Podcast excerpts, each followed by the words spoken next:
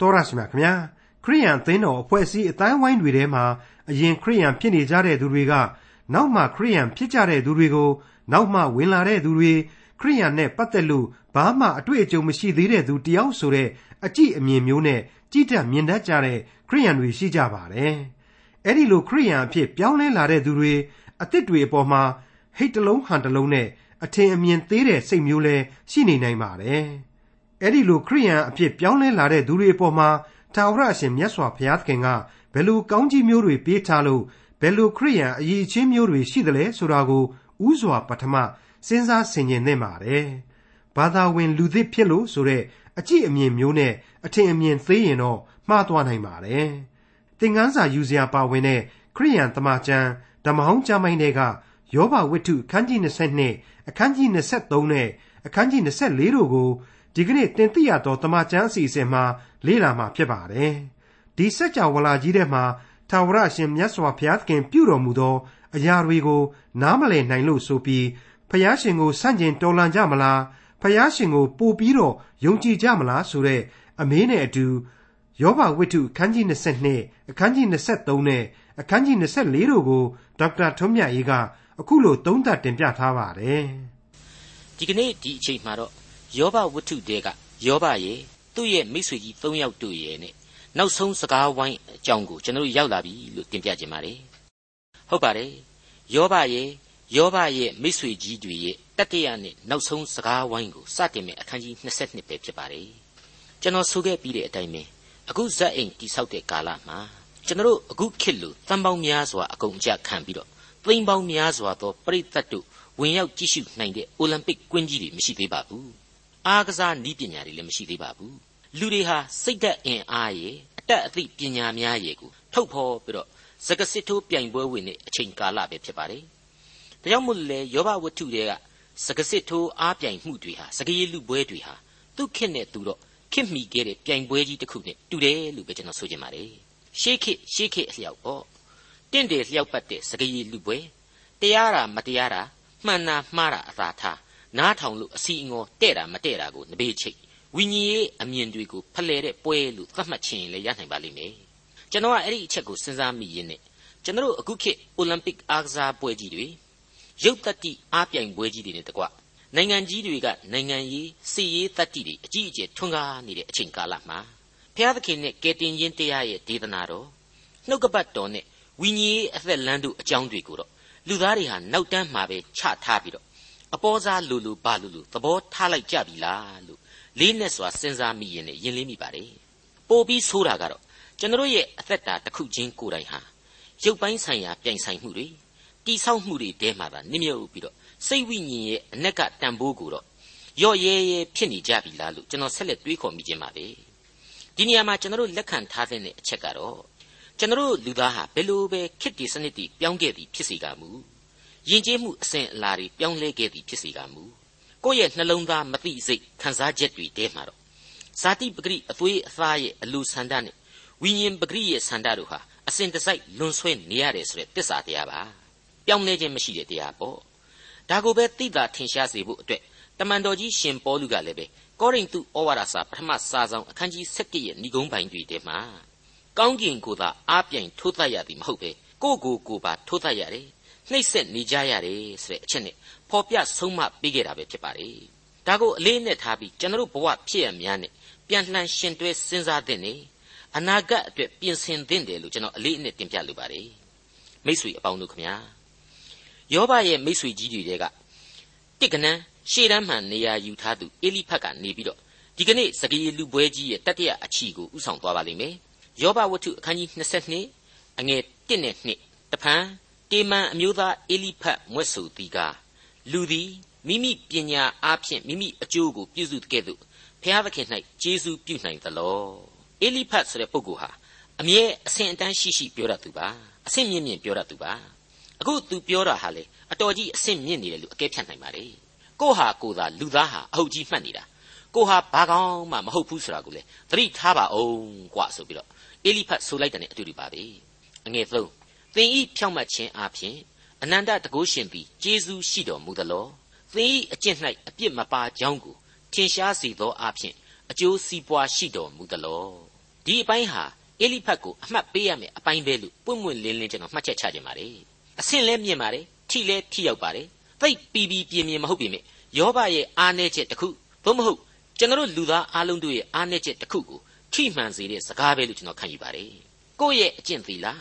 ကိုယ့်ရဲ့ကောင်းမှုဟာကောင်းလာပြီပြည့်စုံလုံလောက်ပြီဆိုတာကိုပြစားနိုင်တိုင်းဘုရားသခင်ရှိတော်မှောက်မှာအကျိုးရှိပါရဲ့လားတဲ့ဒီအချက်ဟာဘုရားသခင်ကိုကိုးကွယ်ယုံကြည်တဲ့လူသားအားလုံးကိုကိုကိုပြန်ပြီးမေးရမယ်မိကွန်းပဲအငယ်လေးသင်ကိုကြောက်ရွံ့သောကြောင့်ဆုံးမပေးတော်မူမည်လောသင်နှင့်တရားတွေ့တော်မူမည်လောအံ့ဩစရာကောင်းလောက်အောင်အရေးကြီးလာတဲ့စကားကိုအေလိဖတ်ပြောလိုက်တာပဲလို့ကျွန်တော်ဆက်ပြီးတော့ခံယူပါတယ်ကိုကကောင်းတယ်တော်တယ်မြင့်မြတ်စုံလင်တယ်ဆိုရင် ဘုရားသခင်ကကိုကိုတောင်ပြန်ပြီးတော့ကြောက်လန့်လာမယ်ကြောက်လန့်ပြီးမှဒီကောင်အတော်ထောင်ထောင်ထောင်ထောင်လှုပ်တဲ့ကောင်ဆိုပြီးတော့ဆုံးမတဲ့သဘောမျိုးများဆုံးမရအောင်မှလားတဲ့တနည်းပြောရရင်တော့ဘုရားသခင်ဟာညစ်ပြီးတော့အခုလိုတရားဆိုင်တဲ့သဘောအပြစ်မရှိရင်အပြစ်ရှာတဲ့သဘောမျိုးလောက်ရမှာလားဆိုပြီးသူမေးလိုက်တာပါပဲကျွန်တော်အကြိမ်ကြိမ်ပြောခဲ့ပြီးပါပြီဘုရားသခင်ကနေပြီးတော့ယောဘတယောက်ဟာစုံလင်တယ်ကြီးမြတ်တယ်ဆိုပြီးပြောတာဟာအကြောင်းရှိနေပါလေယော ဘဟာအမှန်တကယ်တော့လူဇာတိပဂရိနဲ့ကင်းစင်တဲ့လူတယောက်မဟုတ်ပါဘူးအပြစ်လုံးဝမရှိဘူးဆိုတဲ့လူမဟုတ်ပါဘူးဒီအချက်ကိုဒီဇလန်ပြည်ပြင်းအောင်လို့တမင်ထည့်သွင်းထားတာဖြစ်တယ်ပြီးတော့သူ့ကိုရစ်ပူဇော်တဲ့နေရာမှာဘယ်အခါမှမပြက်ကွက်တာကိုမူတည်ပြီးတော့ဘုရားသခင်ဟာဖြောင့်မတ်စုံလင်ခြင်းအဖြစ်သတ်မှတ်တာဖြစ်တယ်ဆိုတာကိုရှင်းလင်းတင်ပြခဲ့ပြီးသားဖြစ်ပါလေဒါဟာတနည်းအားဖြင့်ကတော့ဖြောင့်မတ်စုံလင်ပါတယ်ဆိုတဲ့ဘုရားသခင်ကစံသတ်မှတ်ထားတဲ့လူတစ်ယောက်အပေါ်မှာတောင်းပါ သူ့ရဲ့စီရင်ပိုင်ခွင့်လောကရန်ဒုက္ခဆင်းရဲအတွင်းမှာပြစ်ပယ်ထားနိုင်ခွင့်ကိုရှုကြည့်ပြီးတော့အပြစ်လူပောင်ကနေတာမညောင်ညကျွန်တော်တို့မိษွေတို့လူသားအားလုံးဟာဘုရားသခင်ရဲ့အလိုတော်ရဲ့သဘောတရားကိုနားလည်နိုင်ခွင့်အတွက်တရုပ်ဖော်ဖို့အတွက်ကြိုတင်ပြင်ဆင်ပေးခဲ့ခြင်းပါပဲယောဘဝတ္ထုအခန်းကြီး22အငယ်9မှ9သင်နှင့်တရားတွေ့တော်မူမည်လောသင်ပြုသောဒုစရိုက်သည်အလွန်ကြီးသည်မဟုတ်လော သင်အပြစ်တို့သည်မရေမတွက်နိုင်အောင်များပြားသည်မဟုတ်လောသင်သည်ညီအကိုပေါင်ထားသောဥစ္စာကိုမတရားသဖြင့်ခံယူပြီးဆင်းရဲသောသူတို့၏အဝတ်ကိုလည်းချွတ်ယူပြီးမောသောသူတောက်ဖို့ရေကိုမပေးငတ်မွတ်သောသူကိုမကြွေပိုက်ဆံရှိရဲ့နဲ့ခမရကော်တရာကက်စီနဲကြီးကိုဗျတဲ့အဲ့ဒီလိုပြောတယ်ဆင်းရဲသားတွေကိုလည်းခေါင်းပုံဖြတ်စားသေးတယ်တဲ့ဒုက္ခရောက်နေတဲ့လူတွေကိုလည်းရေကလေးတစ်ပေါက်လောက်တောင်မတိုက်ဖ ೇನೆ အငတ်ထားတယ်ဆိုပါလား အေလိဖတ်မူပြောင်းသွားပြီနော်စောစောတုန်းကပညာသားပါပါအဆင့်မြင့်မြင့်ပြောတယ်အခုကျတော့ရန်ဆွဲငေါငေါနဲ့အပြစ်တွေလျှောက်ပြီးတင်ပြီလူလောကမှာလူတယောက်နှိမ်ပါနေတဲ့အချိန်တိုင်းအခုလူကွယ်ရာကနေထင်ကြီးနဲ့ပြောတတ်ဝေဖန်တတ်တဲ့လူဘဝတရုပ်တစ်ခုပဲလို့ကျွန်တော်ကအေလိဖတ်စကားတွေကိုနားထောင်ပြီးတော့ယူဆမိပါတယ်တွေးတောမိပါတယ်ဟုတ်ပါတယ်အတင်းအဖျင်းတွေပြောတတ်တဲ့ဘဝတရုပ် စောစောကပဲခမည်းကလူကောင်းသူကောင်းဖြစ်ရသားနဲ့အကျင့်ကောင်းရှိရသားနဲ့သင်ဟာဖြောက်မှတ်ရသားနဲ့ဆိုတဲ့စကားတွေကိုသုံးခဲ့တယ်အခုတော့ပြောင်းပြန်တစ်လှည့်ဖြစ်သွားပြီလူယုံမာကြီးဖြစ်သွားအောင်လို့စကားကိုလှည့်ပလိုက်တယ်ဒါဟာယောဘကိုထွက်ပေါက်ဘဲဘက်ကမှမရှိအောင်လုပ်တာပါပဲအတိအကျမသိတဲ့လူပီပီအပြစ်ကိုပါဇက်သေးရှိတယ်လို့ရှောက်ပြီးတော့အပြစ်တင်နေခြင်းဖြစ်တယ်အပြစ်တွေလိုက်ရှာနေခြင်းဖြစ်တယ်ဆိုတာဟာသိလာနေပါလေဒီအချက်တွေဟာလူတွေကလူသားဖြစ်တဲ့ယောဘကိုမခံခြင်းစိတ်များနဲ့ကိုကိုကိုကာကွယ်ဖို့ ကိုကမှန်တာကောင်းတာကိုအတင်းအလူအရဲ့ပြန်လှန်တင်ပြဖို့ရန်အတွက်တွန်းအားပေးရရောက်နေတယ်လို့ကျွန်တော်ဆိုချင်ပါတယ်ငါစကားနွားရည်ဖြစ်ကုန်တာဟာအဲ့ဒီလိုမှားယွင်းသောမိษွေကြီးတို့ရဲ့နှိုးဆွမှုအတွက်ကြောင့်လို့ကျွန်တော်ဒီနေရာမှာဆွဆွဲချင်ပါတယ်ယောဘဝတ္ထုအခန်းကြီး22အငယ်8မှ1အာကြီးသောသူမူကားမြေကိုပိုင်ရ၏ဂုံအထရေရှိသောသူသည် နေရသောအခွင့်ကိုရ၏သင်သည်မုတ်ဆိုးမတို့ကိုလက်ချီလွှတ်လိုက်၍ ပြပမရှိသောသူငယ်တို့၏လက်ကိုချိုးပြီထို့ကြောင့်ကြော်ကွင်းနှင့်ကြော်မိပြီထိတ်လန့်သောစိတ်နှင့်ပင်ပန်းရ၏မမြင်နိုင်သောမှောင်မိုက်သည်ညှင်းဆဲ၍ပြင်းစွာသောရေသည်လွှမ်းမိုးရ၏စွတ်ဆွဲလာတဲ့အချက်တွေကတော့ကြားရတဲ့အတိုင်းပါပဲအဲ့ဒီစွတ်ဆွဲချက်တွေနဲ့အတူပို့ပြီးတော့ယုတ်တိယုတ်တာရှိအောင်ပြင်းပြင်းထန်ထန်ပြောလိုက်တာကတော့မှင်သေးသေးနဲ့ဘုရားသခင်အမိန့်တော်ကြီးသဘောမျိုးအေလိဖတ်တယောက်ပြောလိုက်မိခြင်းပါပဲအငယ်ဆက်နှစ်ဘုရားသခင်သည် ကောင်းကင်ဘဝက်မှရှိတော်မူသည်မဟုတ်လောကျယ်တို့သည်အဘယ်မျှလောက်မြင့်ကြသည်တကားဟုတ်ပါတယ်ဘုရားသခင်ဟာမင်းလူကောင်မျိုးရဲ့အကြောင်းကိုကောင်းကောင်းကြီးသိပြီးသားဆိုတဲ့အချက်ကိုပြောလိုက်ခြင်းအဖြစ်ယောဘကိုနလန်မထုအောင်ခွေကြသွားအောင်ပြောလိုက်တဲ့အတူတူပါပဲပြီးတော့မှတခါအဲ့ဒီလိုဘုံတကိုးတော်ရှင်ဘုရားသခင်ကိုတောင်းမှယောဘဟာစော်ကားနေတယ်ဆိုတာကိုရဲရဲကြီးထည့်ပြီးတော့ဆွဆွဲလိုက်ခြင်းပါပဲအငယ်73မှ79 တို့ဖြစ်၍သင်ကဘုရားသခင်သည်အဘယ်သို့သိတော်မူမည်နည်းထူသောတိမ်တိုက်ကွယ်လျက်နှင့်စီရင်တော်မူနိုင်မည်လောမမြင်နိုင်အောင်ထူရသောတိမ်တို့သည်ကိုတော်ကိုလွှမ်းမိုးကြ၏ကောင်းကင်စက်ကြဝဠာထိပ်ပေါ်မှလှဲ့လေတော်မူသည်ဟုဆိုတတ်၏ကာလအချိန်မစိမ့်မီဖြစ်စည်းခြင်းရေလွှမ်းမိုး၍အခြေအမြစ်ပယ်ရှင်းခြင်းကိုခံရသောသူသည်ဟုသောဖျားသခင်အားငါတို့ထံမှထွက်သွားလော့ဟု၍၎င်း အနန္တတကုရှင်သည်ငါတို့အဖို့အဘယ်သို့ပြုနိုင်သနည်းဟု၍၎င်းဆိုရသောအတ္တမလူတို့လိုက်ဖူးသောလမ်းဟောင်းကိုသင်သည်လိုက်အောင်မည်လောအတ္တမလူသိုးသောလူရှို့ဖွဲ့၍အပြစ်လွန်ကျူးသောသူဆိုတဲ့အသံတွေဟာယောဘကိုဝိုင်းဝိုင်းလဲနေတဲ့အသံတွေပဲဖြစ်ပါတယ်အေလိဖတ်ဟာအတွေ့အကြုံကောင်းများရရှိထားသူဖြစ်တယ်လို့ယူပါယုံများကိုလည်းခန်းစားထားရတဲ့လူတစ်ယောက်ဖြစ်ပထမအကြိမ်စပြီးစကဝိုင်းထဲကိုဝင်လာကြတဲ့ကစကားစပြီးပြောလာကြတဲ့ကကျွန်တော်တို့တွေ့ကြရပါတယ် အဲ့ဒီလိုသူ့အတွေ့အကြုံသူ့ရဲ့အသိအဉာဏ်တွေကိုလည်းသူဟာအလွန်အားကိုးပြီးနေတတ်တယ်ဆိုတာကိုအခုပြောစကားတွေအရာသတိပြုနိုင်လိမ့်မယ်လို့ကျွန်တော်လေးနဲ့စွာယုံကြည်မိပါတယ်မိษွေအပေါင်းတို့ခမညာမဟာသမုတ်တရား၌ပင်အနာသက်ကန့်ဆက်ရှိတယ်ဆိုတာဟာလူသားတို့လောကရဲ့တစ္ဆာတရားမှန်ဖြစ်ပါတယ်ဒါပေမဲ့အသက်ရှင်တော်မူသောဘုရားသခင်ရဲ့အလိုတော်အကြံအစီတော်များမှာတော့ကျွန်တော်အုံနောက်နဲ့သွားပြီးတော့အကန့်အသတ်လုပ်လို့မရနိုင်ဘူးဆိုတာကိုကျွန်တော်ပြီးခဲ့တဲ့အပိုင်းဒီမှာဖော်ပြပြောဆိုခဲ့ပြီးပါပြီ အခုယောဘရဲ့ဘဝအဖြစ်အပျက်တွေဟာအဲ့ဒီလိုလူသားတို့ရဲ့သာမန်အတွေးအခေါ်နဲ့မိနိုင်တဲ့အဖြစ်အပျက်တွေမဟုတ်ပါဘူးဒါကိုအေလိဖတ်နဲ့မိတ်ဆွေတို့ဟာအလိုတော်ကိုဝန်ခံပြီးတော့ယောဘကိုလည်းအဲ့ဒီလိုပဲအလိုတော်ကိုဝန်ခံဖို့တိုက်တွန်းအားပေးသင့်လာတယ်လို့ကျွန်တော်ခန်းစားမိပါတယ်အခုတော့အဲ့ဒီအတိုင်းမဖြစ်ပါဘူးသူတို့ဟာသူတို့ရဲ့အခြေခံယုံကြည်ချက်တွေနှလုံးသားအမြင်တွေနဲ့ကြည့်ပဲအရာရာကိုသုံးသပ်နေတော့ယောဘရဲ့လိုအပ်ချက်အခြေခံကိုမမှီပဲလမ်းလွဲနေတာသာဖြစ်တယ် သူတို့ရဲ့စကားတွေဟာလေအမျက်ဒေါသနဲ့မခံကျင်စိတ်တွေကိုသာယောဘရဲ့ယင်ထဲမှာပေါ်ထွန်းအောင်လို့နှိုးဆွပေးနေတာ ਨੇ အတူတူပဲဖြစ်တယ်ဆိုတာကိုကျွန်တော်တို့တွေ့နေရပါတယ်ယောဘဝတ္ထုအခန်းကြီး22အငယ်21မှ29ဖျားသခင်နှင့်အကျွန်းဝင်၍မိသဟာယဖွဲ့လော့ထိုသို့ပြုမှကောင်းစားခြင်းသို့ရောက်လိမ့်မည်နှုတ်တော်အတွက်တရားကိုခံယူ၍စကားတော်ကိုနှလုံး၌သွင်းပါလော့အနန္တတကုရှင်ထံတော်သို့ပြန်လာလျင်တိဆောက်ခြင်းရှိလိမ့်မည် သင်အိမ်မှဒုစရိုက်ကိုဖယ်ရှားလျင်ရွှေကိုမြေမှုန့်ကဲ့သို့၎င်းအောဖိယရွှေကိုမြင့်၌ရှိသောကြောက်စရိတ်ကဲ့သို့၎င်းတိုးထားရလိမ့်မည်ထိုအခါအနန္တတကုရှင်သည်သင်၌ရွှေရတနာသင်သုံးရသောငွေဘန္တာဖြစ်တော်မူလိမ့်မည်သင်သည်အနန္တတကုရှင်၌မွေ့လျော်၍ဘုရားသခင်ကိုဖူးမြော်ရသောအခွင့်ရှိလိမ့်မည်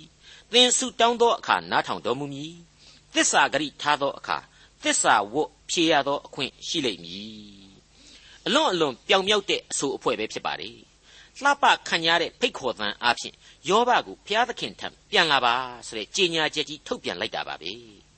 ဒါအပြင်ဘုရားသခင်ရဲ့လွတ်ငင်းချမ်းသာခွင့်ကြီးကိုပါကြေညာလိုက်တယ်လို့လည်းပြောလို့ရမယ်ထင်ပါတယ်ခက်တာကအဲ့ဒီလိုလွတ်ငင်းချမ်းသာခွင့်အမိန့်ကြီးရဲ့အောက်ဆုံးလက်မှတ်ရေးထိုးထားတဲ့သူဟာအမိန့်အရာဆိုတဲ့အခွင့်မရှိပဲငါအတွေ့အကြုံအရာဆိုပြီးတော့ရေးထားပြီးတော့ပုံအေလိဖတ် ဖျားသခင်အလိုတော်ကိုနားမလဲသူဆိုပြီးတော့လက်မှတ်ကြီးကြပြောင်းကြပြန်ထိုးထားတာကိုတွေ့ရတဲ့အချက်ပါပဲမိတ်ဆွေအပေါင်းတို့ခင်ဗျာကျွန်တော်ဘာသာရေးအသင်းအဖွဲ့ကြီးတွေဟာကိုယ့်ဘာသာကိုအင်မတန်ဖျားတရားမြဲသူတွေအဖြစ်အခြားပြင်ပလူတွေကိုကိုယ့်အဖွဲ့အစည်းမှာပါဝင်ဖို့ဆိုပြီးတော့ဖိတ်ခေါ်တဲ့နေရာမှာအသက်ဝင်လာတဲ့လူတွေကိုဟိတ်တလုံးဟန်တလုံးနဲ့ဒီလူဟာလူသစ်တယောက်အတွေ့အကြုံဘာမှမရှိသေးတဲ့လူတယောက်ဆိုတဲ့အကြည့်မျိုးတွေနဲ့ကြည့်တတ်ပါတယ်မသိစိတ်တဲကနေပြီးတော့အထင်အမြင်သေးတတ်ကြပါတယ် အသင်းတော်တွေဟာလည်းဒီအတိုင်းပါပဲကိုကအသားသေးနေတော့ကို့အဖွဲ့အစည်းစိတ်ဓာတ်နဲ့ကို့အဖွဲ့အစည်းရဲ့အရေးဟာကို့အဖို့ပြီးပြည့်စုံနေတယ်လုံလောက်နေတယ်ဒါကြောင့်ကို့စီကိုလာပါလို့သာပြောရတယ်တခါတလေကို့တဲ့တောင်းမှကိုဖိတ်ခေါ်လိုက်တဲ့လူဟာပို့ပြီးတော့ဘုရားသခင်ကိုချစ်တဲ့လူယုံကြည်အားကိုးတဲ့လူဖြစ်နေတတ်တယ်ဆိုတာကိုသတိမပြုမိတတ်ကြဘူးသူ့ကိုဟိုဟာလှုပ်ဒီဟာလှုပ်လုပ်နေမယ်အစားသူ့စီကတောက်မှ ကောင်းသောပုံသက်သေးတွေကိုကိုယ်ဟာရယူရမလို့ဖြစ်နေတတ်တယ်ဆိုတာကိုသင်ခန်းစာယူဖို့အထူးပဲလိုအပ်တယ်လို့ကျွန်တော်တင်ပြချင်ပါတယ်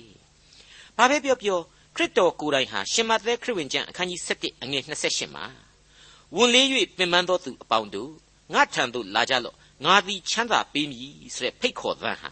ကျွန်တော်လူသားအားလုံးခရစ်တော်၌တလုံးတဝတည်းဖြစ်ဖို့အတွက်အစဉ်သတိပေးနေပါတယ်။ဖျားသခင်၌အကျွမ်းဝင်၍မိသဟာယဖွဲ့လျင်ကောင်းစားမည်ဆိုကြတဲ့က ကောင်းစားတယ်ဆိုတာဟာပိုက်ဆံတွေရတာစီးစိမ်ဥစ္စာတွေတိုးပွားတာကိုကြည့်ပဲမဆိုလိုပါဘူးမိမိတို့ဘဝမှာလိုအပ်နေတဲ့ဆုံးမခြင်းများကိုခံယူဖို့သဘောအထူးပဲပါဝင်တယ်လို့ကျွန်တော်ဆိုချင်ပါတယ်အဲ့ဒီအကြောင်းကိုပဲရှင်ပေါလုကနေပြီးတော့ယောမဩဝါဒစာအခန်းကြီး9ရဲ့အဖွင့်မှာဖော်ပြထားတာကတော့ထို့ကြောင့်ငါတို့သည်ယုံကြည်ခြင်းရှိ၍ဖြောင့်မတ်ရာသို့ရောက်လျင်ငါတို့သခင်ယေရှုခရစ်အားဖြင့်ဘုရားသခင်ရှေ့တော်၌ငြိမ်သက်ခြင်းကိုခံစားရကြ၏ဆိုပြီးတော့ဖော်ပြထားပါတယ်ဟုတ်ပါတယ် အဲ့ဒီငြိမ်သက်ခြင်းဆိုတာဟာပန်းမွေရာဘောမှာယရနာစိန်ကြောက်နဲ့ဇဲတောက်တန်းကစားရတာမျိုးကိုမဆိုလိုပါဘူးလူတို့ကြံစီ၍မမိနိုင်သောအံ့ဩဖွယ်ငြိမ်သက်ခြင်းကျေးဇူးကိုဆိုလိုခြင်းဖြစ်ပါတယ်အဲ့ဒီကျေးဇူးတရားကိုလူသားအချင်းချင်းဟာတန်းတူကြီးမျှသဘောထားပြီးတော့ဝေမျှခံစားကြရပါလိမ့်မယ်အနန္တတကုရှင်ဘုရားသခင်ဟာသင်ရဲ့ယရနာတွေလူပဲဖြစ်လာမယ်ဆိုတာကတော့ဥပမာအလင်္ကာကိုသုံးဆွဲလိုက်ခြင်းဖြစ်ပါတယ်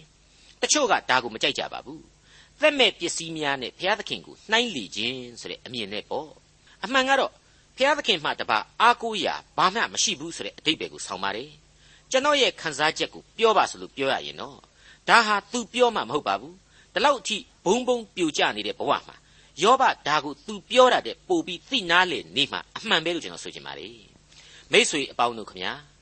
အခုအေလိဖတ်ပြောသမျှတွေကိုပြီးပြီလို့ခံယူရင်းနဲ့ ယောဘရဲ့တုံ့ပြန်ချက်များကိုတစ်လှည့်နားဆွင့်ထောင်ကြပါအောင်စို့ယောဘဝတ္ထုအခန်းကြီး23အငယ်1မှ9ယောဘပြန်၍မွဲ့ဆိုသည်ကားယခုငါပြင်းစွာမြည်တမ်းတော်လေငါခံရသောဒဏ်သည်သာ၍ပြင်းပါ၏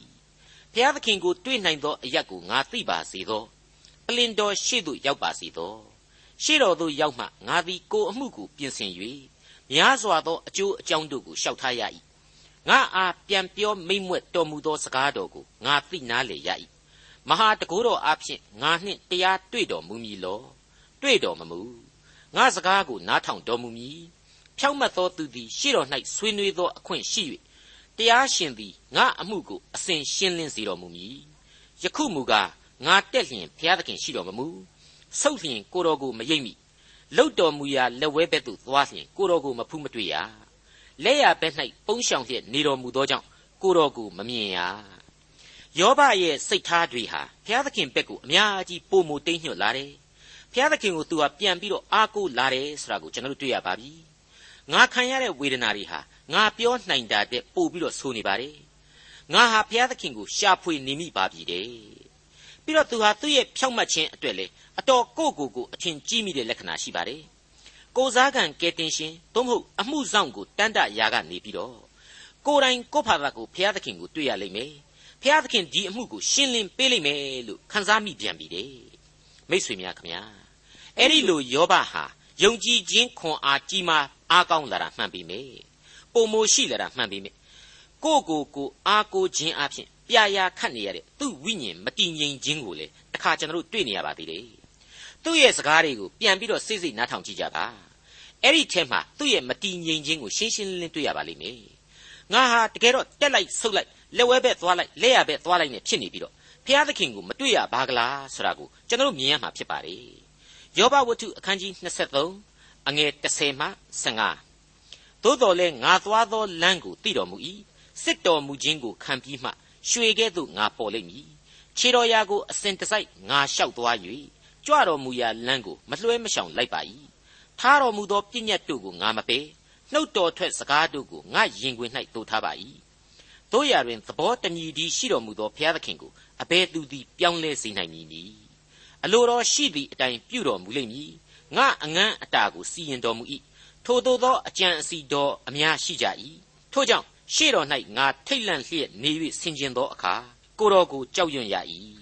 ဖျားသခင်ရဲ့စစ်ဆေးတော်မူခြင်းသာဖြစ်တယ်ဆိုတဲ့အသည့်တရားသူ့ရင်မှာထွန်းကားလာပါပြီဒါအပြင်ဖျားသခင်ရဲ့သဘောတော်ကိုဘယ်လူသားဟာပြောင်းလဲစေနိုင်မှာလဲဆိုတဲ့အနန္တတကူတော်အကြောင်းကိုလေသူရိတ်စားမိလာတာကိုတွေ့ရပါလိမ့်မယ်သူ့အလိုတော်နဲ့အညီငါ့ကိုစီရင်မယ်သူ့ရဲ့အကြံအစီတော်တွေဟာအလွန်အများအပြားရှိနေတယ်ဒါကြောင့်ဖျားသခင်ဟာကြောက်ရွံ့ယူသည်အတော်ဖျားသခင်သာဖြစ်တယ်ဆိုတာကိုသူဖော်ပြလိုက်ပြန်ပါတယ်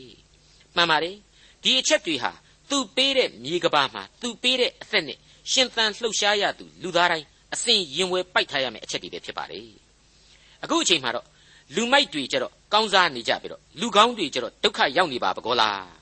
ဘုရားသခင်အလိုတော်ဆရာဟာဘယ်လိုကြီးလဲလို့တွေးခေါ်တတ်ကြသူတို့အဖို့အဲ့ဒီလိုလူများရဲ့ရှေ့တန်းကနေပြီးတော့ကိုယ်တိုင်ကညီးတွားပြပြန်အောင်မဲ့ယောဘရဲ့အကြောင်းတွေကိုဖော်ပြသွားမယ်အခန်းကြီး24ကိုကျွန်တော်ဆက်လက်ရှုကြည့်ကြပါ ယောဘဝတ္ထုအခန်းကြီး24အငယ်1မှ7အနန္တတကုရှင်သည်အဘယ်ကြောင့်ကာလအချိန်တို့ကိုတူထားတော်မမူသနည်းနားလေသောသူတို့သည်တရားစီရင်တော်မူရာနေ့ရက်ကိုအဘယ်ကြောင့်မမြင်ရသနည်းအချို့သောသူတို့သည်မြေမှတ်တိုင်တို့ကိုရွှေ့တတ်ကြ၏သူတစ်ပါး၏သိုးစိတ်တို့ကိုလူယူ၍ကိုအဖို့ထိန်ချောင်းကြ၏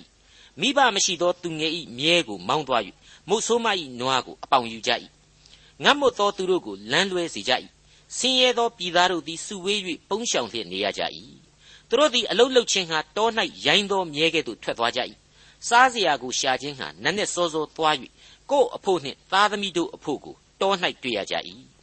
လေပြင်း၌ကနှင်းဆဲသောသူ၏စပားကိုရိပ်၍သူ၏စပစ်သီးကိုသိမ်းရကြ၏ချမ်းသောကာလ၌ကိုကိုဖုံးလွှမ်းစရာအဝတ်မရှိအချီးစီးအိပ်ရကြ၏တဲခိုစရာတဲမရှိသောကြောင့်တောင်ပေါ်၌မိုးရေဆူဆွတ်လျက်ကြောက်ကြားမှခိုရကြ၏ အဖမရှိသောသူငယ်သည်အမိနို့နှင့်ကြွာရ၏ဆင်းရဲသားသည်မိမိဥစ္စာကိုပေါင်၍ထားရ၏အဝတ်မရှိအချီးစီးလှဲ့လေ၍မွတ်သိပ်လျက်သူတစ်ပါးကောက်လှိုင်းကိုထမ်းရ၏သူတစ်ပါးအိမ်မှစီကိုကြိတ်လျက်စပြစ်သီးကိုနင်းနေလျက်အငတ်ခံရ၏လူတို့သည်မြို့ထဲမှညီးတွားကြ၏နာသောသူတို့သည်အော်ဟစ်ကြ၏သို့တော်လည်းသူတို့ဆုတောင်းသောစကားကိုဖျားသခင်သည်ပမာဏပြုတော်မမူအလိုတော်ကိုဝန်ခံခြင်းတဲ့စိတ်ဆန္ဒရှိပါလျက်နေ အလိုတော်ဟာတရားမျှတခြင်းမရှိဘူးတစ်ဖက်စောင်းနှင်းဖြစ်နေတယ်ဆိုတဲ့ခံစားချက်သည်ယောဘရဲ့ယင်ထဲမှာကိန်းအောင်နေတယ်ကိုကဒုက္ခတွေကိုခါးစီနေရတဲ့အချိန်ခါးစီခံနေရတဲ့အချိန်တရားမမျှတတဲ့လူအသိုင်းဝိုင်းကြီးကတော့အကြီးအကျယ်ကောင်းစားနေတာကိုကြည့်ပြီးတော့ဘဝကိုနာကြီးတယ်ဒေါသတွေပြင်းထန်လာတယ်ဒီနေရာမှာမြန်မာလူဓမ္မတိချင်းစာအုပ်ထဲကအမှတ်စဉ်311မြေကြီးပေါ်မှာဒုက္ခဆင်းရဲရောက်သောအခါအစရှိတဲ့တိချင်းကလေးကိုတွားပြီးတော့သတိရမိဖို့လိုပါတယ်အဲ့ဒီထဲကတပိုက်မှာ ကောင်းစားသောသူများကိုသင်ပြီးမြင်သောအခါကိုတော်ထားသောဂရိတော်ကိုအောက်မေ့ပါဟုတ်ပါတယ်ကိုယ်ဇာတိသဘောနဲ့အမြင်တစ်ခုတည်းနဲ့နားမလည်နိုင်တဲ့အရာတွေကိုရင်ဆိုင်ရပြီဆိုတိုင်းခရစ်တော်ကိုပို့ပြီးတော့တွေ့တာကြရလိမ့်မယ်အားကိုးခိုလုံကြရလိမ့်မယ်အလိုတော်ကိုပို့ပြီးတော့ဝန်ခံနိုင်ကြရလိမ့်မယ်နားပင်မလည်နိုင်တော့လေစ조사ပြီးတော့အဖြေကိုရှာဖွေကြရပါလိမ့်မယ် အဲ့ဒီမတရားသောသူတို့ဟာလေအဆုံးသတ်လောကသေခြင်းကိုတော့ရင်ဆိုင်ကြရတာပဲဆိုတာကိုအငယ်16 20တို့အဖြစ်ယောဘဆက်လက်ဖော်ပြလိုက်ပါတယ်မိုးရေသည်ခန်းချောက်ခြင်းအဖြစ်၎င်းနေပူအရှိန်အဖြစ်၎င်းကွယ်ပြောက်တတ်တဲ့ကဲ့သို့မတရားသောသူသည်သေမင်းနိုင်ငံမှကွယ်ပြောက်တတ်၏သူ၏အမိသည်သူ့ကိုမေ့လျော့၍တီကောင်တို့သည်မိန်စွာစားလိမ့်မည်နောက်တဖန်အဘယ်သူမျှမအောင်မေ့ရမတရားသောသူသည်သစ်ပင်ကဲ့သို့ကျိုးရလိမ့်မည် ဒီအပိုင်းကိုရောက်တဲ့အခါကျတော့တပေါင်းတစည်းတည်းစဉ်းစားဖို့ရန်အတွက်အခန်းကြီး27မှာတော့ကယောဘဘယ်လိုပြောခဲ့တယ်ဆိုတာကိုအခန်းကြီး27အငယ်23မှ26ကိုဖတ်ရှုကြည့်ကြပါတယောက်သောသူကခွန်အားနှင့်ပြည့်စုံလျက်ငြိမ်ဝတ်ချမ်းသာစွာတည်တတ်၏သူ၏နဘေးတို့သည်ဆူဖြိုး၍အယိုးတို့လည်းချင်းစီနှင့်ဆူဆွတ်ကြ၏တယောက်သောသူကတခါမျှမပျော်မွေ့စိတ်ညှိုးငယ်လျက်သေတတ်၏နှစ်ယောက်စလုံးတို့သည်မချမနာမြေမှုန့်၌အိပ်၍တီကောင်များဖုံးလွှမ်းခြင်းကိုခံရကြ၏တဲ့ ဟုတ်ပါတယ်တကယ်တော့လောကရန်သေခြင်းဆင်းရဲဟာပုံစံအမျိုးမျိုးနဲ့စောင့်နေပါတယ်အဲ့ဒီအနာသက်ကန်းဆက်စီကိုတော့ဖြောက်မတ်သူဖြစ်စေမတရားသောသူဖြစ်စေလူသားတိုင်းဟာအတူတူပဲသွားကြရစမြဲဆိုတာကိုယောဘဖော်ပြလိုက်ခြင်းဖြစ်ပါတယ်ယောဘဝတ္ထုအခန်းကြီး24အငယ်24နဲ့25ဏိဂုံခဏချီးမြှောက်ခြင်းသို့ရောက်၍တဖန်ကွယ်ပြောက်ကြ၏နှိမ့်ချခြင်းသို့ရောက်သည်ဖြင့်အခြားသောသူကဲ့သို့အသက်ချုပ်ခြင်းကို၎င်း စပနံအဖျားကဲ့သို့ရိပ်ဖြတ်ခြင်းကို၎င်းခံရကြ၏သို့မဟုတ်လျှင်ငါဤမှုသာအပြစ်ကိုအဘယ်သူပြမည်နည်းငါဤစကားကိုအဘယ်သူခြေမီနည်းဟုမွဲ့ဆို၏အခုဏိဂုံးပိုင်းကလေးဟာအဲ့ဒီမြေသားတို့ဘဝမြေမှာခရတဲ့အချိန်တယောက်ကချီးမြှောက်ခံရပြီးတော့သေတယ်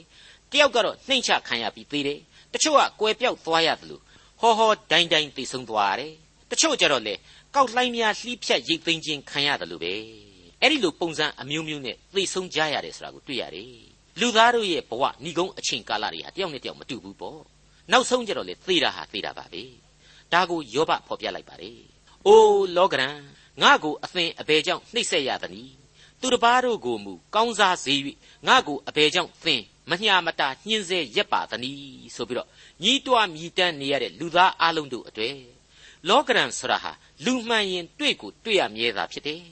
မတွေ့ခြင်းလို့သေသွားပါရစေဆိုတော့လည်းမသေးနိုင်